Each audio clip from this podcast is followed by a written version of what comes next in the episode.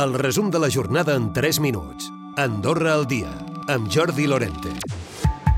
Trobar solucions al problema de l'habitatge amb la millora del poder adquisitiu de la ciutadania són els eixos prioritaris del govern abans que es tanqui la legislatura. Xavier Espot ha destacat als matins de la Nacional que s'hi destinaran 19 milions d'euros perquè els propietaris posin a disposició de l'administració pisos per augmentar el parc de lloguer.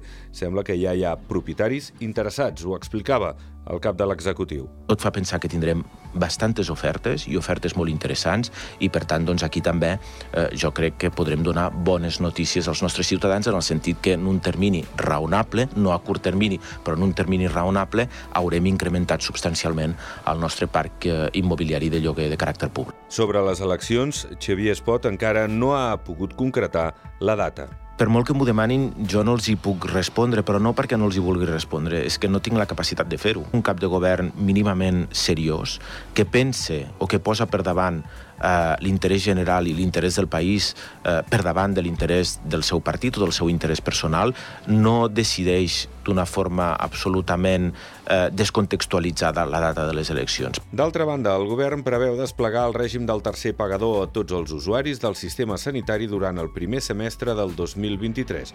També inclourà els medicaments i els productes sanitaris.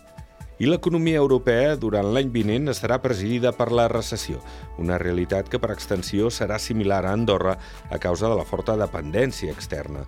Així ho vaticinen els experts d'Anbanc que han elaborat l'informe sobre les perspectives per al 2023.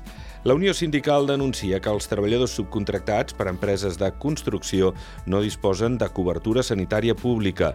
El motiu és que arriben amb un contracte laboral d'origen i, per tant, no cotitzen a la Seguretat Social. Precisament Precisament el govern s'acull aquest fet per assegurar que no se'ls ha d'aplicar la legislació andorrana en matèria laboral en contra del parer dels sindicats. L'ocupació hotelera la setmana passada va ser de mitjana del 63%, coincidint amb els dos ponts festius a Espanya.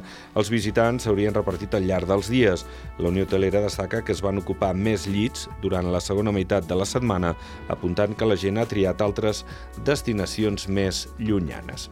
Conxita Marsol diu que la iniciativa estrella de l'any vinent serà l'eixamplament a tres carrils del doctor Vilanova. És la cònsul de la capital. El primer prioritari és fer el vial i després, paral·lelament, treballar amb un ajardinament, algun projecte que jo ja crec que serà més de cara a la propera corporació, però que l'any que ve encara ho farem com a pàrquing, ho, li donarem una mica més una cosa arreglada per donar aquesta imatge d'entrada a la parròquia Andorra la Vella. La voluntat de Marsol és aconseguir més visibilitat i fluidesa de circulació, fent que aquest punt es converteixi en la porta d'entrada a la parròquia. Recupera el resum de la jornada cada dia a Andorra Difusió.